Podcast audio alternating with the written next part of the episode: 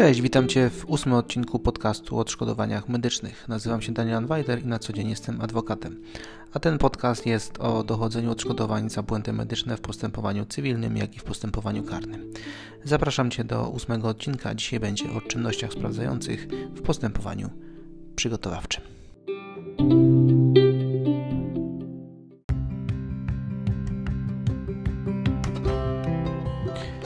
Po co są czynności sprawdzające w y, procesie karnym? W czasie tych czynności organ prowadzący postępowanie ma obowiązek przekonać się, czy zachodzi uzasadnione podejrzenie popełnienia przestępstwa, czy że takiego przestępstwa w ocenie organu nie popełniono.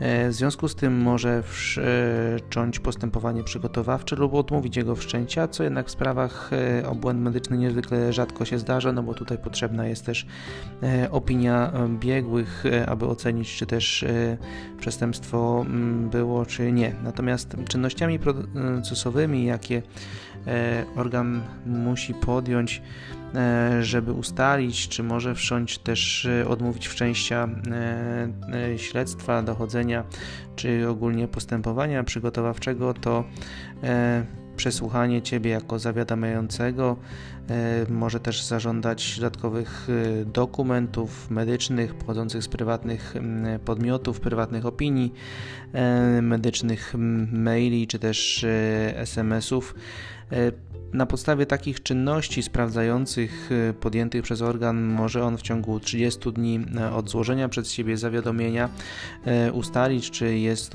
uzasadnione podejrzenie popełnienia tego przestępstwa. W tym momencie organ e, podejmuje decyzję o tym, czy wszczyna postępowanie, czy też odmawia jego wszczęcia. Jeżeli postępowanie zostanie wszczęte, no to zaczyna się całość postępowania przygotowawczego.